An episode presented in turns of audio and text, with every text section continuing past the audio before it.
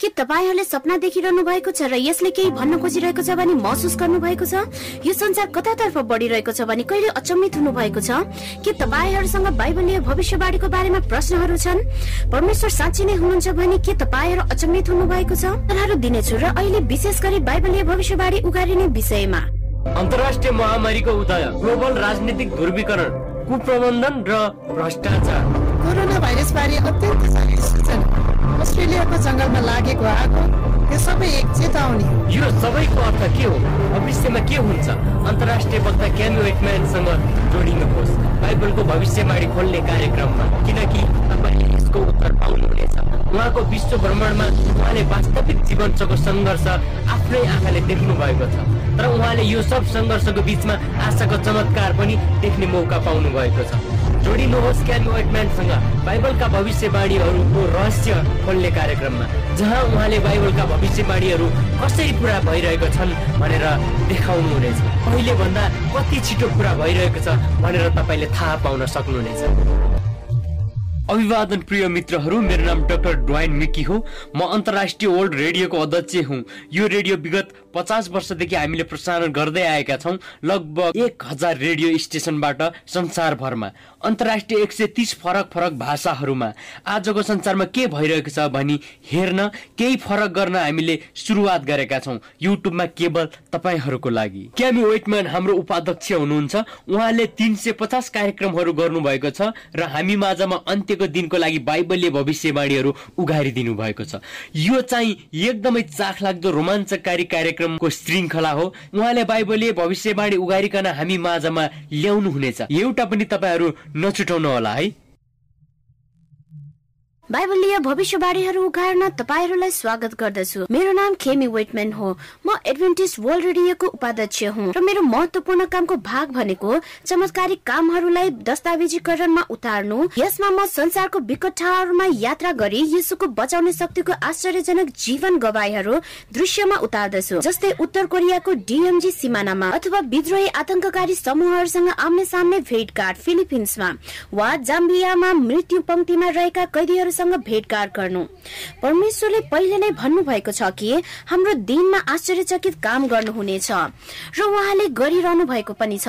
यही जानकारीले मेरो जीवनलाई गम्भीर रूपमा परिवर्तन गरी संसारलाई पिछा गर्ने क्रममा स्वर्गको खोज गर्न लगायो। परमेश्वरले मलाई उहाँको वचन बाँड्ने उद्देश्य दिनुभयो। म पवित्र बाइबलमा विश्वास गर्दछु किनभने उहाँको भविष्यवाणीहरू सत्य साबित भएको छ। त्यहीदेखि हामी सँगसँगै सुरुवात गर्नेछौ। यदि तपाईँहरूसँग प्रश्नहरू छन् भने जुन तपाईँहरूको मनमा आउँदछ जुनसुकै समयमा तपाईँहरूले भिडियोको मुनि दिएको लिङ्कमा थिच्न सक्नुहुनेछ र तपाईँहरूको प्रश्नको बाइबलीय उत्तर प्राप्त गर्न सक्नुहुनेछ। अनि यदि तपाईँहरूसँग प्रार्थनाको निवेदनहरू छ भने यस भिडियोको तल दिएको लिङ्कमा थिच्नुहोस् र हाम्रो समूह तपाईँको लागि र विशेष निवेदनको लागि प्रार्थना गर्न खुसी हुनेछन्। आजको साँझ हामी सुरुवात गर्नेछौ बाइबलीय भविष्यवाणीहरू उघारेर जुन सत्य हुन् वा परिकथा मात्र हुन् र बाइबलीय भविष्यवाणीहरू उघारिने प्रमुख साँचो भनेको बाइबल स्वयं नै बताउनु दिनु हो यो श्रृङ्खलाको लागि हाम्रो विषय भनेको यदि यो बाइबलमा छ भने म विश्वास गर्दछु। यदि यो बाइबलसँग असहमत छ भने यो मेरो लागि होइन। अब तपाईँहरू अचम्मित हुनु भएको होला।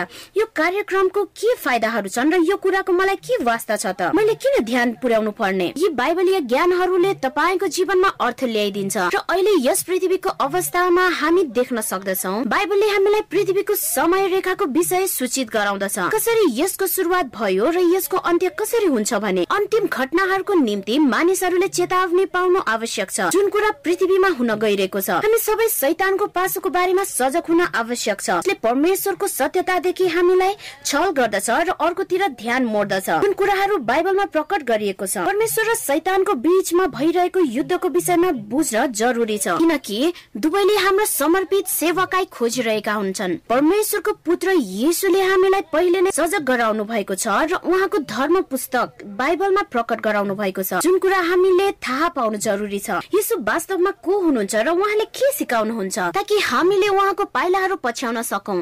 यस श्रृङ्खलाको अन्त्यमा तपाईँहरूले आफ्नो बाइबलबाट प्रकाश तेह्रको पशु को हो भन्ने प्रश्नको उत्तर थाहा पाउनुहुनेछ। पशुको छाप भनेको के हो? के छ सय छैसठ वास्तवमै बाइबलमा छ त? परमेश्वरले जीवित परमेश्वरको मोहरलाई कसरी वर्णन गर्नुहुन्छ? के तपाईँहरूलाई थाहा छ यदि हामी स्वर्गमा प्रवेश गर्न चाहन्छौ भने बाइबलले हामीहरूलाई मोहर लगाउनु पर्दछ भनी भन्दछ।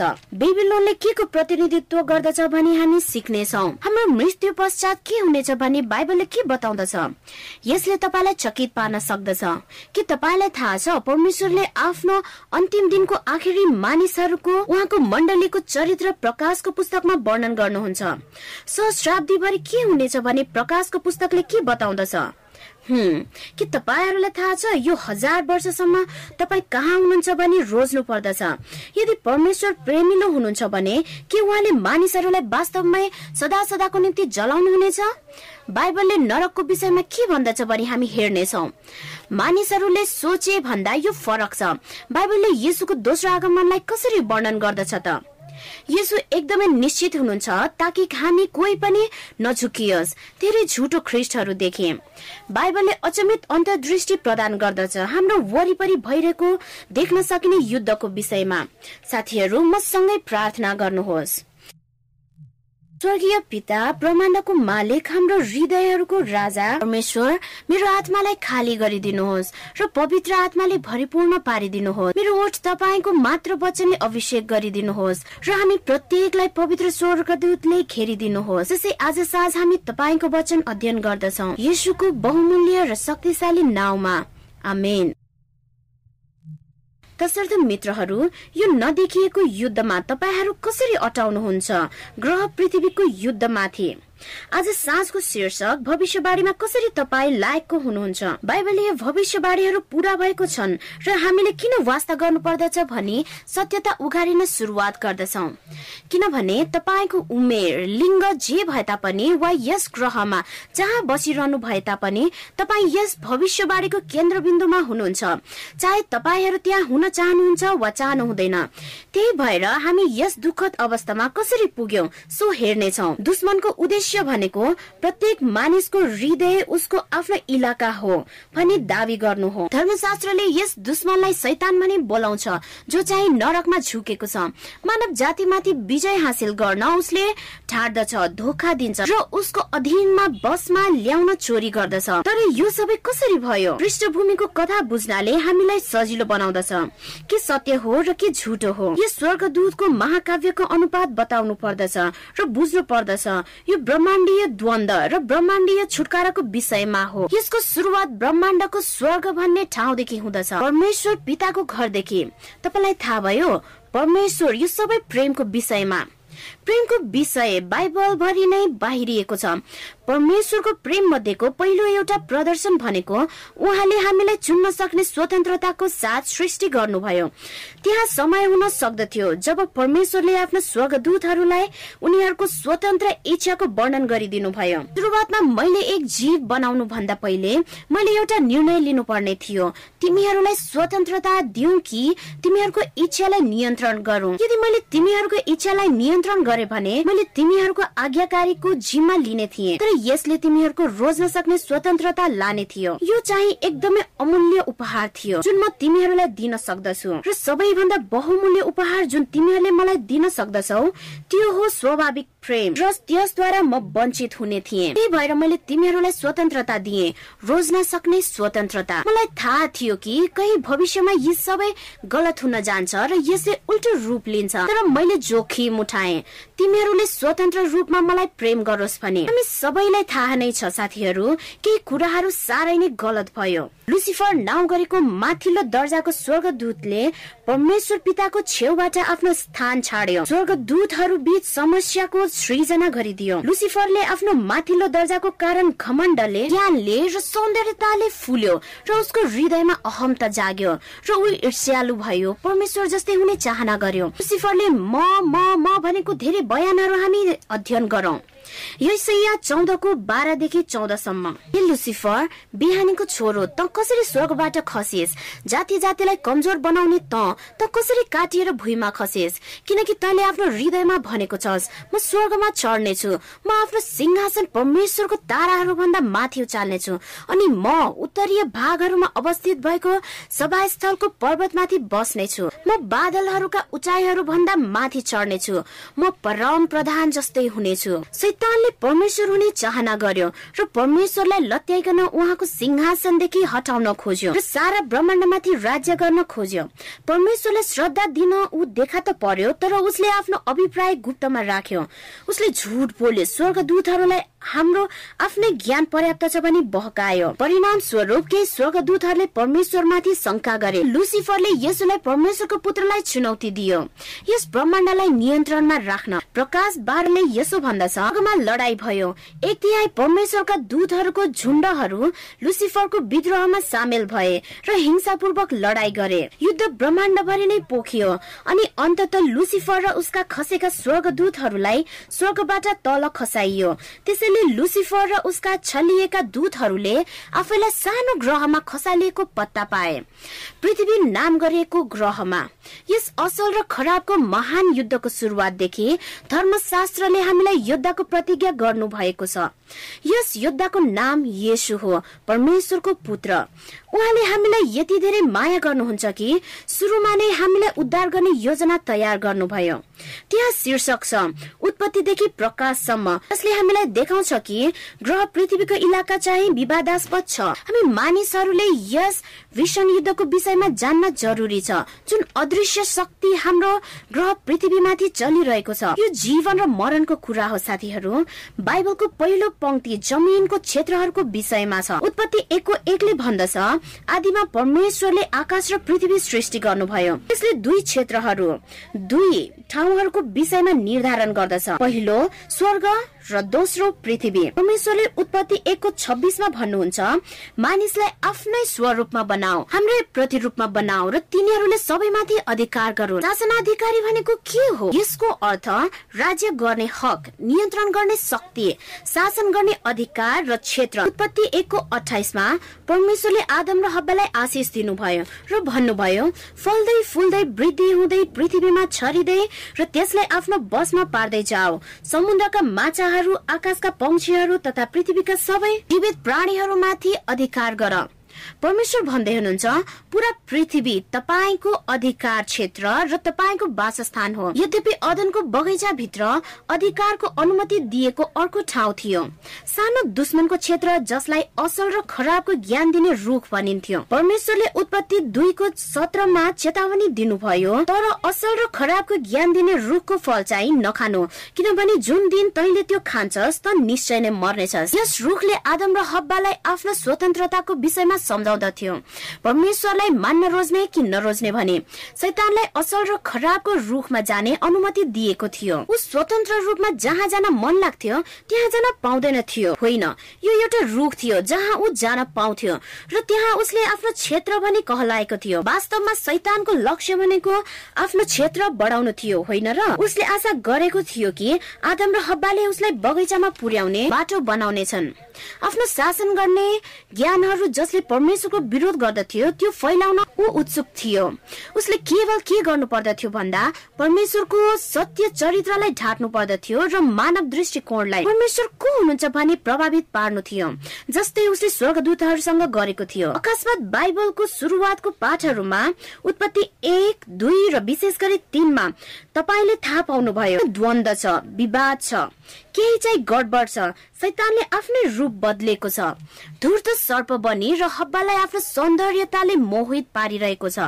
उसले हब्बालाई चमत्कारिक फलद्वारा झुक्याइरहेको छ जसले उसलाई परमेश्वर जस्तै बनाउँदछ। त्यस छलमा फसेकोले आदम र हब्बा आफ्नै स्वतन्त्र इच्छाले आफ्नो अधिकार जुन पृथ्वीमा परमेश्वरद्वारा दिएको थियो फेरि शैतानलाई स्थानान्तरण गरिदिए। शैतानले वास्तवमा उनीहरूको स्वतन्त्र इच्छा बाइपास गर्न सक्दैन। उसले मौखिक रूपमा उनीहरूलाई राजी गराउनु पर्दछ कि? परमेश्वर तर्फको उनीहरूको सोच विचार परिवर्तन गर्न र उनीहरूको स्वतन्त्र इच्छा आफ्नो तर्फ ल्याउन। जसै शैतानले झुटद्वारा हब्बाको सोचाइलाई घुमायो परमेश्वरको चरित्रमाथि प्रश्न उठाउन उसले आफ्नो जित भयो भने सोच्यो। सुरुवातदेखि नै शैतानले मानिसहरूलाई झुक्यायो र तिनीहरूलाई परमेश्वरको चरित्रमाथि प्रश्न गर्न लगायो। शैतानको सबैभन्दा शक्तिशाली औजार भनेको आफ्नो विचार बेच्नु हो। इजिकेल अठाइसको सोह्रले भन्दछ तेरा चारैतिर बाहिरका व्यापारहरूद्वारा त उपद्रवले भरिएस र तैले पाप गरेस। बिक्री गर्नुको अर्को शब्द भनेको तैले पाप गरेको छस् हो तपाईँले देख्नुभयो लुसिफरले कुनै थोक वा सामानहरू बेचिरहेको थिएन। उसले भ्रमको व्यापार गरेको थियो। हब्बासँग कि ऊ परमेश्वर जस्तै बन्न सक्दछ भने। उसले आफ्नो विचारहरू बेचिरहेको थियो र हब्बाले उसको विचारहरू किनिरहेकी थिइन्। धर्मशास्त्रले भन्दछ आदम यस विचारहरूको विषयमा निश्चित थिएन। तर आफूले हब्बालाई प्रेम गर्दछु भन्ने कुरामा निश्चित थियो र दुर्भाग्यवश उसले परमेश्वरलाई पछ्याउनु सट्टा हब्बालाई पछ्यायो। लुक्का चारको छमा पाउँदछौ जहाँ सैतानले यसुलाई मरुभूमिमा प्रलोभनमा पार्दैछ र दियाबलसले उहाँलाई भन्यो म यो सारा अधिकार र यिनको गौरव तपाईँलाई दिनेछु किनभने यी सबै मलाई सुम्पिएका छन् र म जसलाई इच्छा गर्दछु त्यसलाई दिदछु। यो बाइबलको पदले यस पछाडिको कथालाई बुझाउँदछ। शैतानले केही कुराहरू व्यक्त गरिरहेको छ कि विगतमा केही भएको थियो। कसैले उसलाई अधिकार दिएको थियो। ख्याल गरौं यसुले सैतानलाई दिनु पर्दछ भने कहिले विवाद गर्नु भएन। कुनै पनि समयमा यसुले भन्नु भएन सैतान केही समय पर्ख। यो पृथ्वी तिमीसँग सम्बन्धित छैन। अह यसुले बुझ्नु भयो कि आदम र हब्बाले परमेश्वरले दिनुभएको अधिकारलाई सैतानलाई स्थानान्तरण गरिदिए। अब यसो दावी गर्नु सैतानको हक छ। यो बाह्रको एकतिसमा यसुले भन्नुहुन्छ अब यस संसारको न्याय हुन्छ। यस संसारको शासक बाहिर फालिनेछ। यसुले यस सन्दर्भको विषयमा कुरा गर्दै हुनुहुन्छ। दुष्ट सैतानमाथि विजय हासिल गर्ने प्रक्रियामा जसले आफूलाई यस संसारको शासक भनी नामाकरण गर्दछ। दोस्रो ग्रन्थी चार अध्यायको चार पदमा प्रेरित पावले साहित्यिक पारामा सैतानलाई यसो भनी बोलाउँदछन्। यो युगको परमेश्वर। सैतान चाहिँ अहिले यस संसारको परमेश्वर भएको छ। दुईको दुईमा सैतानलाई यसो भनी बोलाइएको छ। आकाशको शक्तिको राजकुमार। तर यसको मतलब यो होइन कि उसले अक्सिजन आपूर्तिलाई नियन्त्रण गर्दछ। यसको अर्थ ऊ चाहिँ नैतिक वातावरणको राजकुमार हो वा यस संसारको संस्कृतिको। पहिलो यो पाँचको उन्नाइसले भन्दछ सारा संसार त्यस दुष्टको अधीनमा परेको छ। यसको मतलब पापीहरूको प्रभावमा। यहाँ बाइबलले कोरेको चित्रलाई के तपाईँले देख्नुभयो? हाम्रो संस्कृति चाहिँ दिनको लोकप्रिय विचारहरूद्वारा प्रभाव पारिएको छ। हाम्रो सामाजिक फेसनदारी भनेको काम बासना हो। आँखाको काम बासना र जीवनको घमण्ड हो। ती सबै शैतानका सिद्धान्तहरू हुन् परमेश्वरको होइनन्। जसमा हाम्रो सारा संसार सञ्चालित हुँदछ अब यहाँ नदेखिएको युद्धको विषयमा चाख लाग्दो अन्तर्दृष्टि छ। अयुब एकको एकले यसो भन्दछ। उस भन्ने देशमा अयुब नाम भएका तिनी निर्दोष र सोझो जीवन बिताउँदथे। तिनी परमेश्वरसँग डराउँदथे र दुष्टताबाट अलग बस्थे। अनि पछिको पद अयुब एकको छले यसो भन्दछ एक दिन स्वर्गीय दूतहरू परमप्रभुको सामुने उपस्थित हुँदा सैतान पनि तिनीहरूसँग आयो। पदले संगठनको अंकित गर्दछ। तपाईँहरूले देख्नुभयो त्यहाँ समय थियो र स्थान थियो।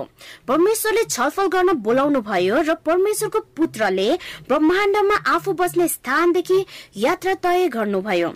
एफिसीमा प्रेरित पावलले परमेश्वरको पुत्रलाई प्रधान राजकुमार र शक्ति भनी बोलाए। यसको अर्थ शासकहरू र अधिकारहरू। स्वर्गीय ब्रह्माण्डमा त्यही भएर सैतान लर्याङ लुरुङ गर्दै स्वर्गीय परिषदमा उपस्थित भयो। याद गर्नुहोस् अयुब एकको साथ परमेश्वरले सैतानलाई सोध्नु भयो त कहाँबाट आइस? त के गर्दैछस् भनेर परमेश्वरले सोध्नु भएन। त यहाँबाट निस्केर गइहाल पनि भन्नु भएन। परमेश्वरले सैतानलाई उसको उत्पत्तिको केन्द्र सोध्नु भयो। त यहाँ बस्ने के अधिकार छ? तैले कसको प्रतिनिधित्व गर्दैछस् र त कहाँदेखि आएको? यहाँ सैतानले घमण्ड साथ यसो भने पृथ्वीमा चारैतिर घुमफिर गर्दै आएको हुँ। यहाँ हामीले देख्न सक्छौ कि सैतानले पृथ्वी ग्रहलाई दावी गर्दैछ। सैतानले अभियोग लगाउँदछ। मैले यस सभामा भाग लिने अधिकार छ। यदि यस संसारका अरू शासकहरूले भाग लिन पाउँदछन् भने जुन ग्रह मसँग सम्बन्धित छ त्यसको प्रतिनिधि गर्न म यहाँ हुन पाउँदछु। अब हेरौँ कसरी परमेश्वरले आठ पदमा उसलाई जवाफ दिनुहुन्छ? सैतान तँलाई लाग्दछ तैले पृथ्वीको प्रतिनिधित्व गर्दैछस् तर के तैले मेरो दास अयुबलाई याद गरिएस्? उसले तेरो जस्तो सोच र जीवनलाई अनुसरण गर्दैन। त्यहाँ पनि छोटकरीमा परमेश्वरले विवाद गर्न लाग्नु भयो सैतानले दावी गरेको वैधता माथि सैतानले संवाद पद नौमा निरन्तर बढाउँदछ। मुख्यतया भन्दै हो थाहा छ अयुबले तपाईँलाई सम्मान गर्दछ। तपाईँले उसको सबै आवश्यकताहरूको ख्याल राख्नु भएको छ। हो उसले तपाईँलाई पछ्याउँदछ किनभने तपाईँले उसलाई किन्नु भएको छ आफ्नो सम्पूर्ण आशिषहरूले। हो म आठ पदमा भएकोलाई प्रेम गर्दछु। परमेश्वरले मानिसतर्फ केन्द्रित गर्नुभयो र भन्नुभयो मसँग यस संसारमा जरा गाड्नेछ मसँग कोही छ जसले मेरो र मेरो सिद्धान्तहरूको प्रतिनिधित्व गर्दछ। मेरो पृथ्वीको राज्यमा सैतान यस महान विवादलाई अन्त्य गर्ने होइन। यस पृथ्वी तिमीलाई हस्तान्तरण गर्ने पनि होइन। मसँग अझै पनि कोही आज्ञाकारी मानिसहरू छन्। यस पृथ्वीमा जसले पूर्ण रूपमा मलाई पछ्याउन रोजेका छन्। ती मध्ये अयुब एक हो। अयुब मेरो जन। तसर्थ अयुब एकको दसमा सैतानले आरोप लगाउँदछ। के तिनलाई तिनका घराना र तिनका सबै धन सम्पत्तिलाई तपाईँले चारैतिरबाट हालेर रक्षा गर्नु भएको छैन? तिनका सबै काममा तपाईँले आशिष दिनुभएको छ अनि तिनका गाई बस्तुहरू देशभरि अनगन्ती बढेका छन्। अब अयुबको वरिपरि बार हाल्नुको अर्थ के हो त? यो बगैँचा हो कि वा झाडीको गुच्छा हो? होइन। यसको उत्तर भजन संग्रह चौतिसको साथमा पाउँदछौ। मलाई मनपर्ने पद यसले यसो भन्दछ परमेश्वरको भय मान्नेहरू चारैतिर परमप्रभुका स्वर्गदूतले सुरक्षाको घेरा लाउँछन् र उहाँले तिनीहरूलाई छुटकारा दिनुहुन्छ। त्यो झाडी भनेको परमेश्वरको स्वर्गदूतहरूको सुरक्षा हो। उहाँको स्वर्गदूत उहाँका आज्ञाकारी अनुयायीहरूको वरिपरि हुनु हो। सैतानले परमेश्वरलाई आवेदन गर्दछ तपाईँ आफ्नो सुरक्षा हटाइदिनुहोस् र म अयुबसँग हुनेछु र तिनले तपाईँको सेवा कहिले पनि गर्ने छैनन्। त्यसो भए किन अयुबलाई अभिभावक स्वर्गदूतले सुरक्षित घेरा हालेको। अयुबलाई गोप्यता थाहा थियो। साथीहरू मानिसहरूले परमेश्वरको रक्षाको निम्ति गुहार गर्नु पर्दछ ताकि उहाँले रक्षा गर्न सक्नुहुनेछ। यो भनेको परमेश्वर र मानिसले मिलेर गर्ने प्रयास हो। प्रार्थनालाई युद्ध गर्ने कार्य हो भनी सोच्नुहोस्। त्यो प्राप्त गर्नुको निम्ति हामीले सुरक्षाको माग गर्नु पर्दछ अयुब एकको एघार पदमा सैतानले परमेश्वरको आलोचना गर्दछ। हेर्नुहोस् र याद गर्नुहोस् अयुबले तपाईँको सामुने सराप्नेछ अब हामीले गम्भीर तथ्यको विचार गरौं। यदि अयुबले परमेश्वरलाई सराप्ने भए परमेश्वरले उसको सुरक्षा गर्न सम्भव हुने थिएन। त्यस पश्चात अयुबलाई सैतानको क्षेत्रमा राखिने थियो। तर अयुबले निरन्तर रूपमा भने परमेश्वरको नाउँ आशिषित होस् र परमेश्वरको जन्ने रहिरह्यो। त्यस्ता खालका युद्धहरू बारम्बार भइ नै राख्दछन्। सैतानले मानिसहरूमाथि विपत्तिहरू ल्याइदिन्छ र परमेश्वरको महिमा गर्नुको सट्टामा परमेश्वरलाई सराप्दछन् पापीहरूलाई सैतानको विरुद्धमा जाने उपाय भनेको नै प्रार्थना मात्र हो। प्रार्थना युद्धको कार्य हो। यद्यपि आश्चर्यजनक धेरै मानिसहरूले प्रार्थना गर्न बिर्सिन्छन् र यसले सैतानलाई उनीहरूको जीवनमा फाइदा ल्याउँदछ। तर सुन्नुहोस् हामीसँग केही रोमाञ्चक खबरहरू छन्। उत्पत्ति तिनको पन्ध्र पदमा हामीलाई दिएको छ भविष्यवाणी त्यसबाट बाहिर निस्कन हामीलाई परमेश्वरले प्रतिज्ञा दिनुभएको छ। उहाँले मुक्तिदाताको भविष्यवाणी गर्नु भएको छ। हामीलाई योद्धाको प्रतिज्ञा गरिएको छ। आदम र हब्बालाई सुनिसके पश्चात परमेश्वर सैतानसँग बोल्दै हुनुहुन्छ र उहाँले भन्नुभयो तेरो र स्त्रीको बीचमा दुश्मनी हालिदिनेछु। यसको अर्थ घृणा। सैतान र स्त्री बीचमा तेरो बिउ र उसको बिउको बीचमा त्यसले तेरो शिर कुच्याउनेछ र तैले त्यसको कुर्कुच्चो डस्नेछस्। यस पदमा परमेश्वरले स्त्रीलाई छुटकारा दिँदै हुनुहुन्छ। जुन हामीले पछाडि धर्मशास्त्रमा यसले मण्डलीलाई संकेत गर्दछ पनि हेर्नेछौ।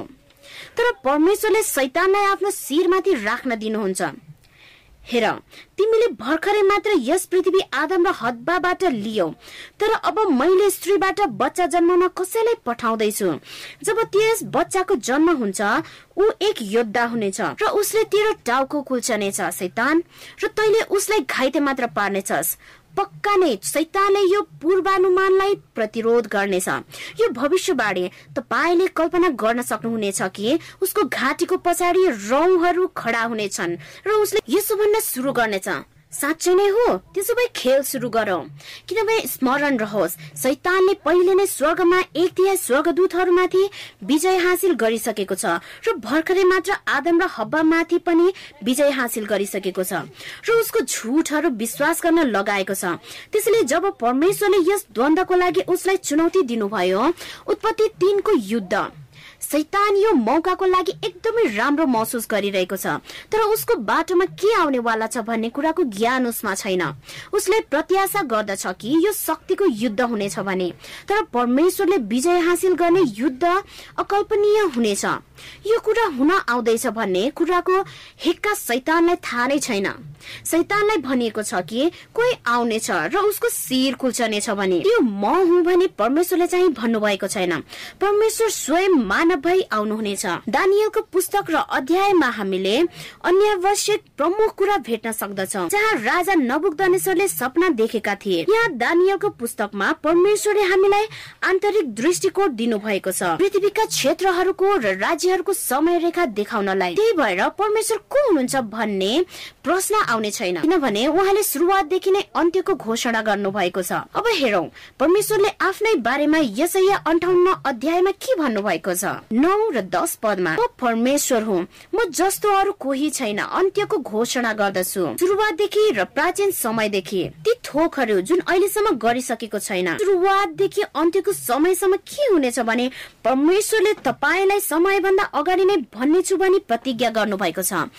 त्यहाँ अनुसार गर्न जरुरी नै छैन। त्यसो भए दानियल दुईको के वास्ता? हो दानियलको पुस्तक हजारौं वर्ष अघि लेखिए तापनि यो अत्यावश्यक जानकारीद्वारा भरिपूर्ण छ। आजको संसारको निम्ति। अगमवक्ता दानियलले परमेश्वरबाट वचन प्राप्त गरे। राज्यहरूको विषयमा जसले संसारको इतिहासको आकृति कोर्दथ्यो। यो छोटो भविष्यवाणी हामीलाई आधारभूत छन्।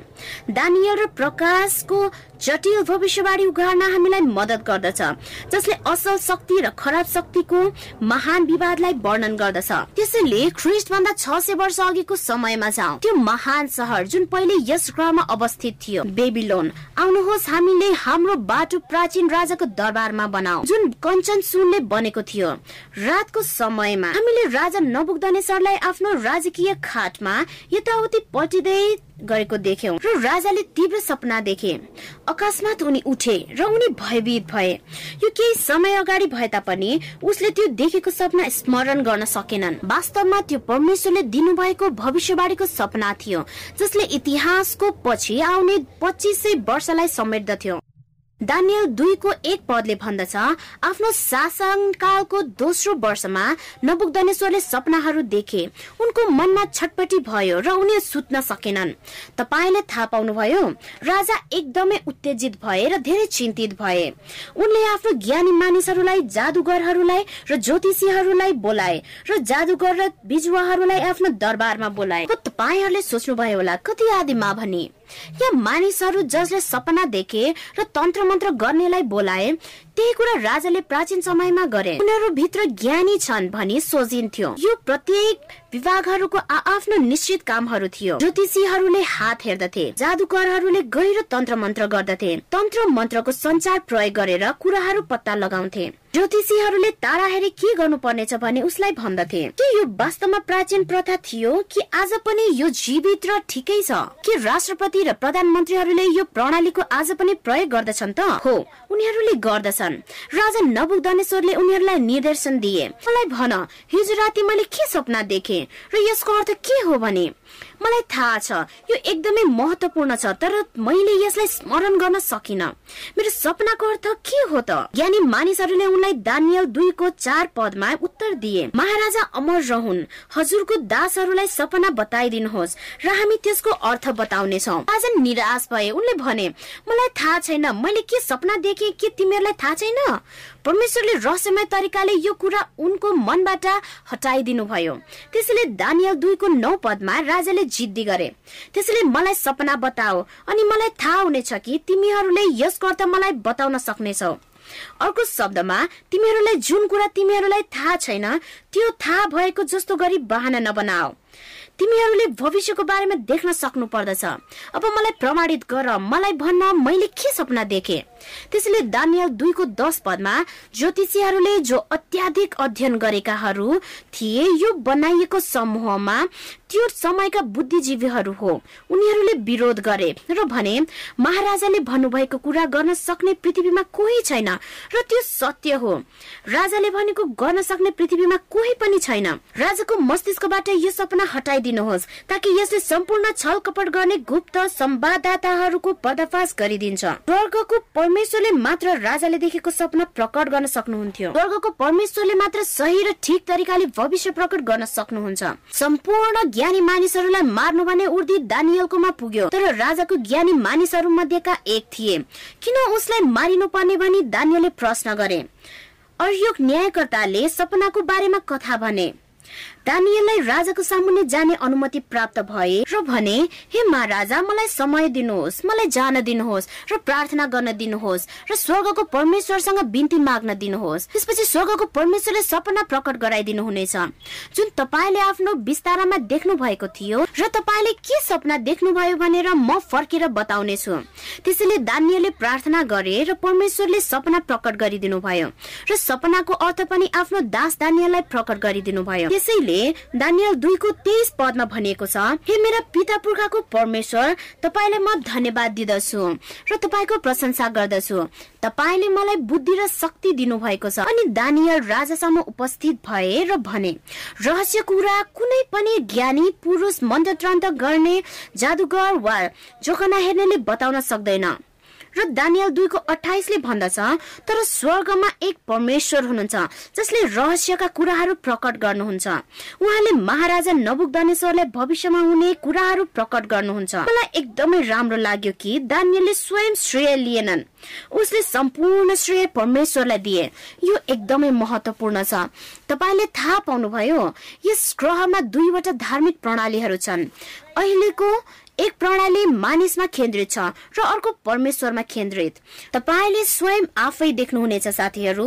दानियलको पुस्तकको दुई अध्याय एक्काइस पदमा। उहाँले राजाहरूलाई सिंहासनमा राख्नुहुन्छ र उनीहरूलाई अपदस्थ गर्नुहुन्छ।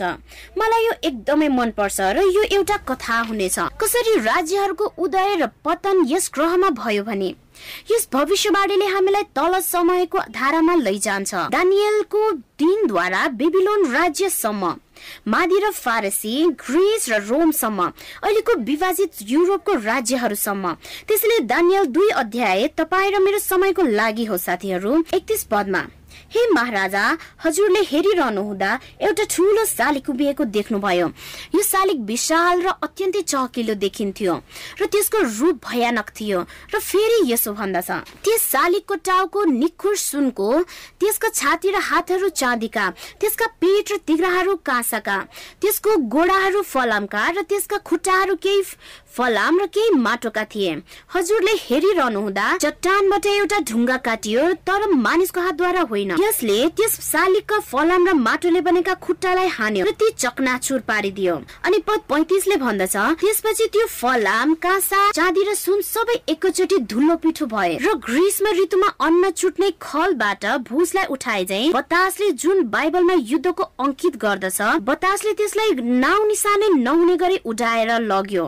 दान्य दानियल दुईको छत्तिसदेखि अडतिसमा सपना यही थियो र अब महाराजालाई यसको अर्थ बताउनेछौ। हजुर नै राजाहरूका महाराजा हुनुहुन्छ। तपाईँ नै त्यस सुनको टाउको हुनुहुन्छ। सुनको टाउकोले बेबिलोन राज्यको प्रतिनिधित्व गर्दछ अथवा राजा नबुकदनेश्वरको राज्य। यस राज्यले ईसा पूर्व छ सय पाँचदेखि ईसा पूर्व पाँच सय उन्चालिससम्म राज्य गर्यो। नबुकदनेश्वरले संसारभरमा एकदमै शानदार धनी साम्राज्यको स्थापना गर्नुभयो। उहाँको साम्राज्य सुनै सुनले सजिएको आलिसान थियो। एउटा मन्दिरमा मात्र नबुकदनेश्वरले अठार टन सुनको प्रयोग गरे। जुन सोह्र हजार किलोग्राम थियो उनले आफ्नो श्रीमतीको निम्ति झुन्डिएको उद्यानको निर्माण गरे। प्राचीन संसारको आश्चर्य थियो। यो तथ्य हो कि सुन भनेको बहुमूल्य धातु हो जबकि चाँदी अलिक कम मूल्यवान छ तर यो अलिक कडा हुन्छ। तपाईँहरूले थाहा पाउनुभयो प्रत्येक राज्य जुन अघिल्लो मानव निर्मित शिक्षा र दर्शनमा आधारित थियो त्यसैले धेरै क्रूर र फलामको घोडाहरू सम्म तल कम परिष्कृत भएको थियो। नबुक्तनेश्वरले सोचे आफूले स्थापना गरेको राज्य कहिले पनि ध्वस्त हुने छैन। सारा पृथ्वी उसको पाउमा लम्पसार परिराख्नेछ भने उसले सोच्यो दान्यले राजातिर अंकित गर्दै भने तपाईँको राज्य लोप हुनेछ। हटी राजाले भने अह कहिले पनि त्यसो हुने छैन। सुरुमा त उसले आफूलाई नम्र पारे तर पछि उनले आफ्नो हृदय कठोर पारे र बेबिलोन सदाकाल रहिरहन्छ भनी आफै सोचे। राजाहरूको राजाको म अवहेलना गर्दछु। मेरो सुनको साम्राज्य कहिले पनि ध्वस्त हुने छैन। जुन कहिले पनि चाँदीमा काँसामा फलाम र माटोमा जाने छैन। म आफैले आफ्नो शिरदेखि पाउसम्म सुनको मूर्ति बनाउने छु अब वास्तवमा राजा नबुक्दनेश्वरले के भन्दै थिए त? उसले स्वर्गको परमेश्वरको अवहेलना गरिरहेका थियो। उसले यसो भनिरहेको थियो परमेश्वर म तपाईँको विरोध गर्दछु।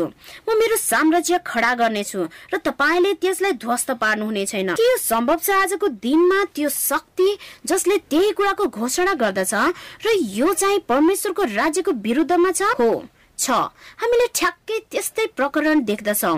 यो चाहिँ दुर्भाग्यपूर्ण वास्तविकता हो र यो वास्तविकता हो। तयार भएर बस्नुहोस् तर चिन्ता नलिनुहोस्। तपाईँलाई बचाउने परमेश्वरको योजना छ। दानियलको भविष्यवाणी अगाडि बढ्दछ।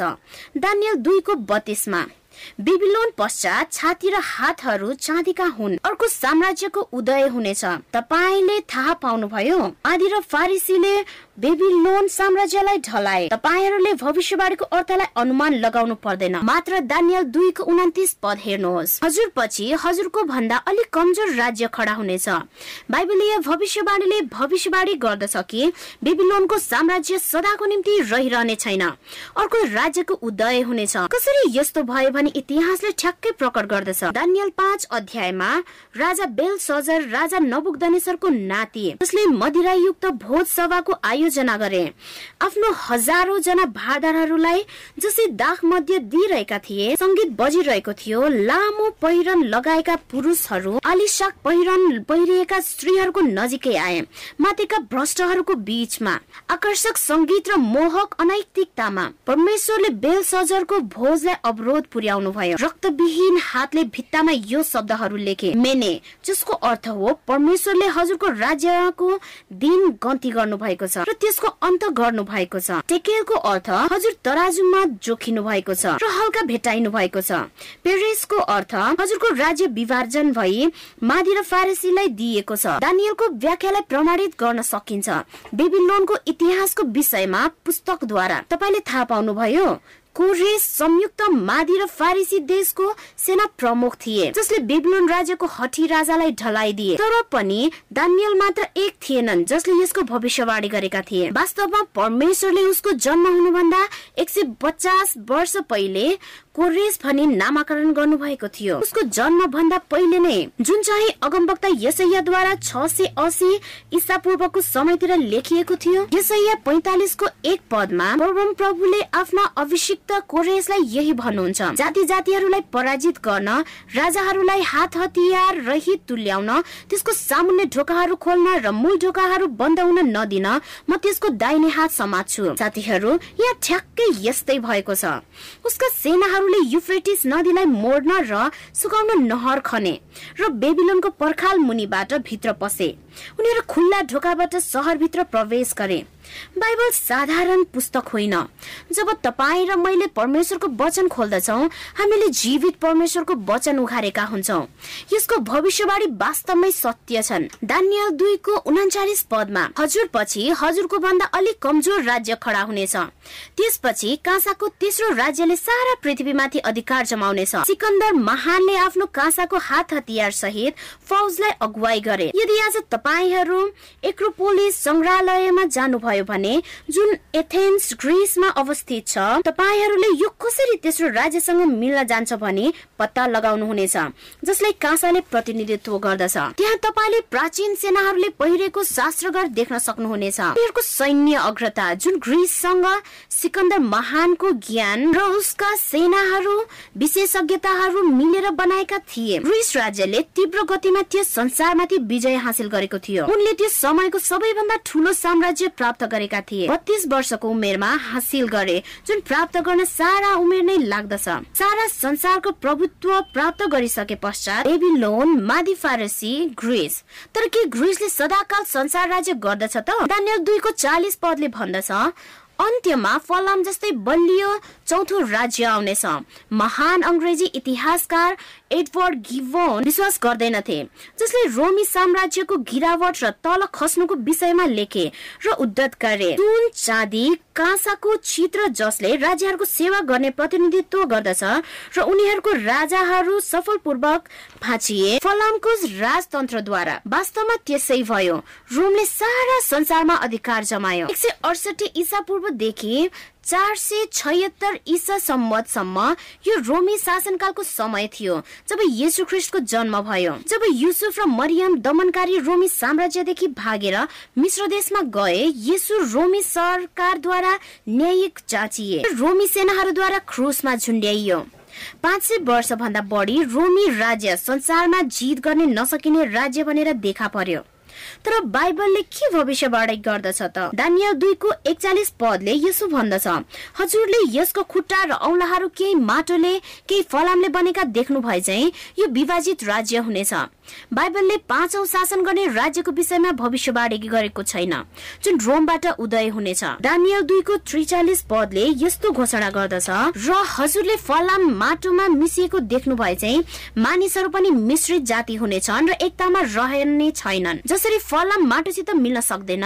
इतिहास भरि नै युरोपका राजाहरूले अन्तर्जातीय विवाहद्वारा राज्यहरूलाई एकीकरण गर्न खोजे। एक प्रख्यात उदाहरण भनेको नेपोलियन हुन् जसले आफ्नो श्रीमती जोसेफाइनलाई छोड पत्र दिए। अनि अस्ट्रियाको लुइससँग विवाह गरे। आफ्नो देशसँगको सम्बन्ध सुरक्षित पार्नलाई र उसको थप उद्देश्य भनेको सारै युरोपलाई एकजुट पार्नु थियो। भविष्यवाणी गरिए चाहिँ पूर्णतया असफल भए। अन्तर्जातीय विवाह बाहेक त्यहाँ दोस्रो अर्को बाटो थियो जुन राजनैतिक अगुवाहरूले युरोपलाई एकजुट बनाउने प्रयास गरे। उनीहरूले आफ्नो उद्देश्य पूरा गर्ने प्रयास गरे। सैन्य द्वन्द्वद्वारा र अरूद्वारा चार्ल्स पाँचौले युरोपलाई एकजुट पार्ने चाहना गरे। उनी असफल भए। चार्ल्स फ्यानले पनि युरोपलाई एकजुट पार्न चाहे र असफल भए। नेपोलियनले पुरा युरोपलाई एकजुट गर्ने प्रयास गरे। उनी पनि असफल भए। नेपोलियनले आफ्नो महत्वाकांक्षी योजनाको विषयमा विवरण लेखे। त्यहाँ एउटा मात्र युरोप हुनेछ भने। त्यहाँ एक मात्र मुद्रा हुनेछ। त्यहाँ एउटा मात्र भाषा हुनेछ। युरोप भरि नै एउटा सरकार हुनेछ भनी लेखे। त्यहाँ एक मात्र मुद्रा हुनेछ। त्यहाँ एउटा मात्र भाषा हुनेछ। युरोप भरि नै एउटा सरकार हुनेछ भनी लेखे। तर नेपोलियन वाटरलुको युद्धमा पराजित भए। जुन अठार सय पन्ध्रमा उसले भने महान परमेश्वर मेरो लागि धेरै नै हुनुहुन्छ। साथीहरू बाइबल एकदमै सही छ। अन्तत युरोपको विभाजन भयो। चार्ल्स पाँचौं Charlemagne Napoleon Hitler Stalin संसारको सम्राट हुनुपर्ने थियो। तर तिनीहरू सबैजना असफल नै भए।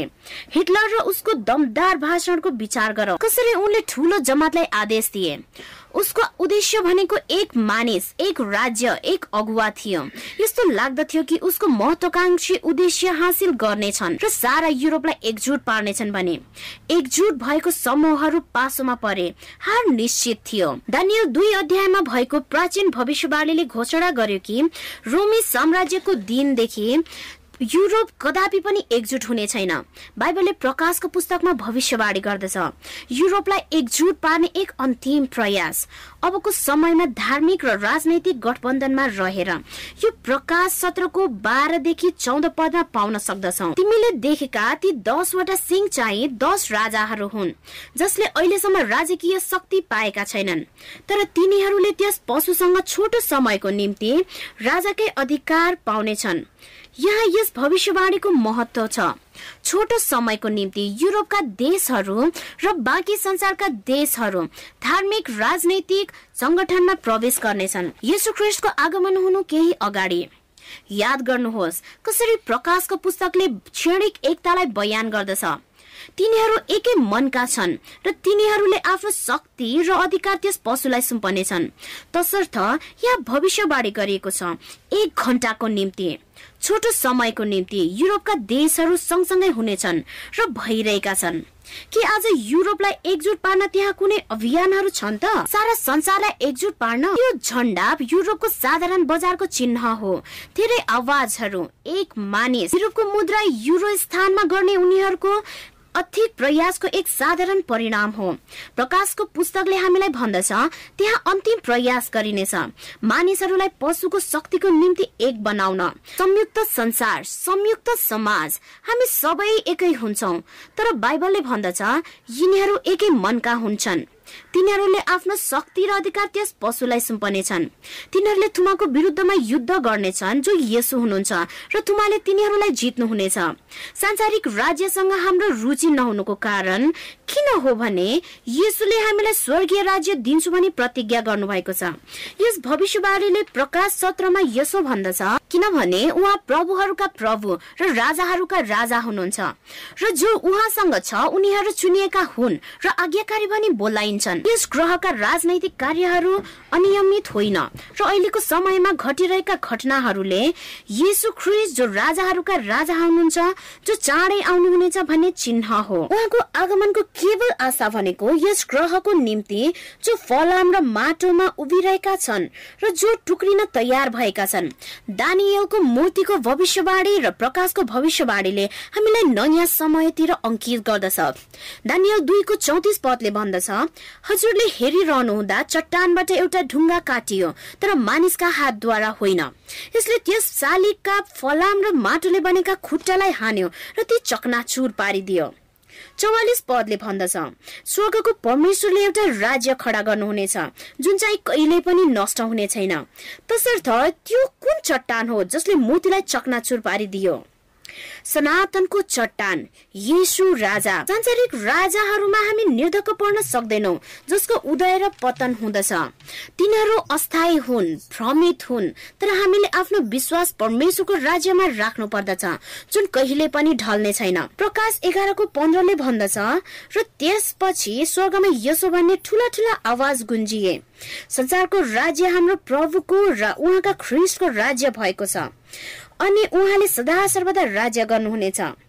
मानिसहरूको हृदयको तिर्सना भनेको शान्तिको निम्ति सुरक्षाको निम्ति हो।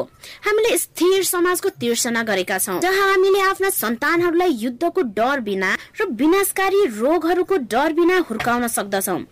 हाम्रो भविष्य आशाले भरिपूर्ण भएको हामी चाहन्छौ। डरले होइन। दानियल दुई अध्यायको कथाले मलाई फ्रेडीको बारेमा सोच्ने बनाउँदछ। जुन म र मेरो एडभेन्टिज वर्ल्ड रेडियोको समूहले साउथ अफ्रिकामा खिचेका थियौँ। फ्रेडी एकदमै धार्मिक घरमा हुर्किन्। उनको पिता पुजारी हुनुहुन्थ्यो तर उनको यस विषयमा केही वास्ता थिएन। वयस्क उमेरमा परमेश्वरसँगको सबै कुरामा व्यवस्था गरे। तबसम्म जब उनले एक दिन उसलाई कसैले फोन गरेर भन्यो कि तिम्रो दिदीको हत्या भएको छ भने? फ्रेडीको तत्कालीन रिस क्रोधमा परिणत भयो र आशाविहीन आफ्नो समस्याहरू रक्सीमा डुबाइन्।